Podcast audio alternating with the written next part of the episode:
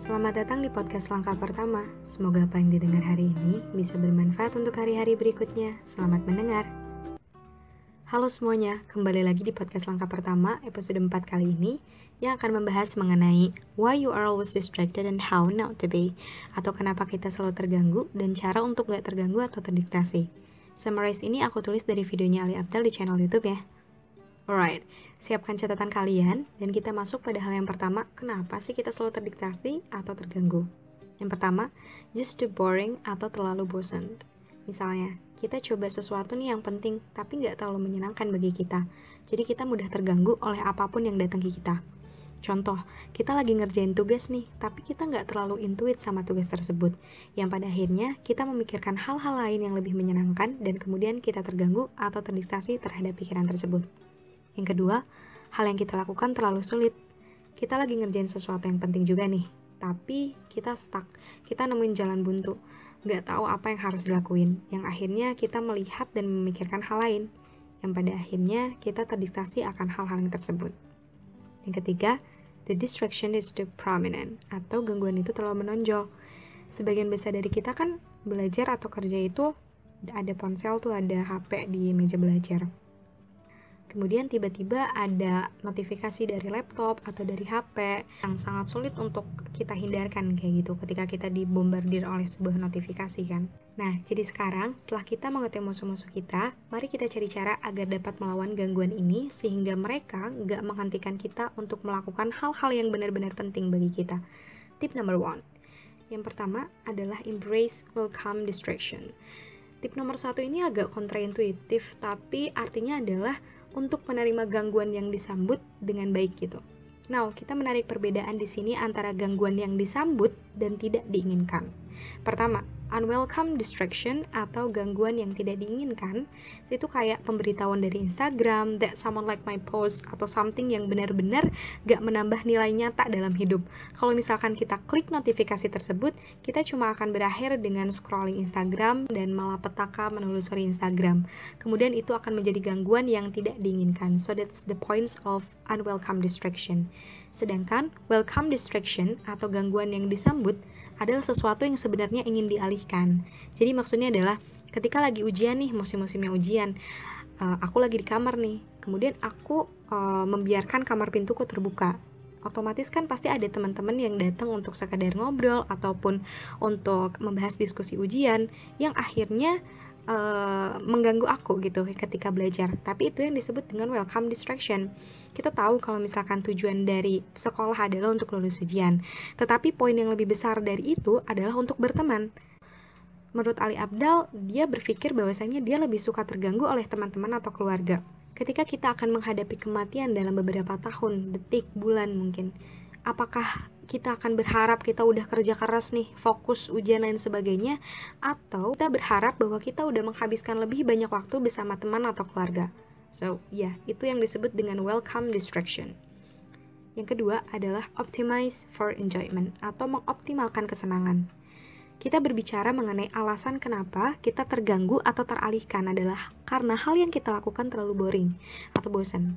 Kemudian apa yang ingin kita lakukan adalah mencoba dan membuat hal itu lebih menyenangkan.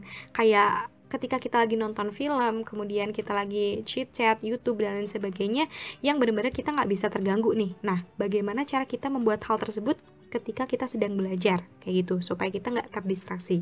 Jadi, kita fokus pada pengoptimalan untuk kesenangan maka kita dapat mengurangi risiko kita teralihkan dari hal itu. Nah, lot of ways untuk membuat apa pun yang kita lakukan lebih menyenangkan.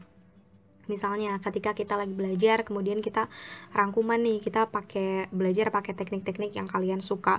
Kemudian setelah kalian mencapai target tersebut, kalian kasih reward ke diri kalian uh, supaya kalian merasa bahwa apa yang telah kalian kerjakan itu ada hasilnya kayak gitu. Itu biasanya ngaruh ke pelepasan dopamin kayak gitu. Ketiga adalah throw away the phone atau membuang telepon. Tanda kutip ketika kita lagi belajar atau bersenang-senang tiba-tiba ada notifikasi dibombardir lagi sama notifikasi Instagram atau YouTube atau semacamnya gitu. Itu kan sangat sulit untuk kita tetap fokus gitu. Bahkan ketika kita super fokus pun suka lebih sulit. Nah maka kita pakai teknik atau pakai hal ini yaitu throw away the phone atau buang teleponnya.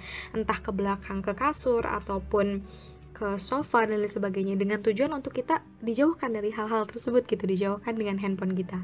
Atau Ali Abdel bilang dia suka ngebalikin handphonenya kalau di mejanya dia kemudian dia aktifin mode pesawat kayak gitu. Ketika dia lagi istirahat dalam pekerjaannya aktifin lagi mode pesawatnya.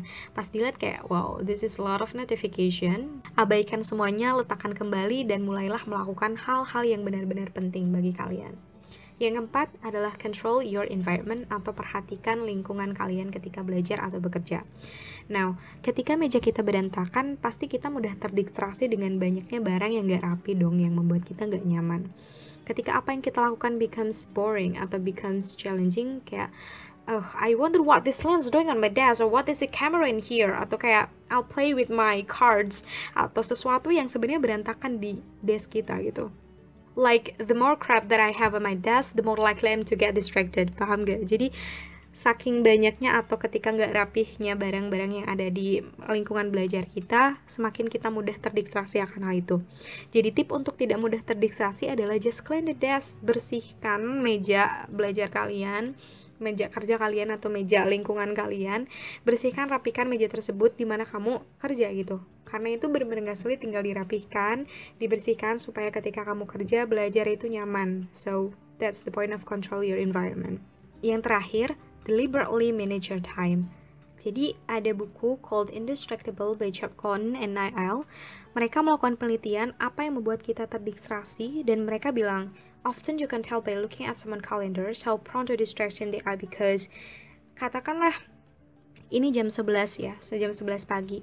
Dan karena merasa terdistraksi lihat kalender atau jadwal kamu, ternyata nggak ada kegiatan nih di jam 11 ini, apa yang harus aku lakukan? Terus pasti kan tiba-tiba buka HP dan akhirnya terdistraksi gitu kan.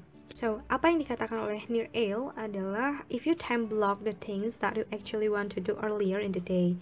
Kayak membuat plans gitu. Kalian menyiapkan planner ataupun buku kecil gitu, catatan kecil di pagi hari kalian tulis jam 5, jam 6 atau jam-jam berapa yang akan kalian melakukan sebuah kegiatan supaya ketika kalian lagi merasa bosan gak ada kegiatan, kalian bisa buka buku tersebut, oh di jam ini seharusnya saya melakukan ini.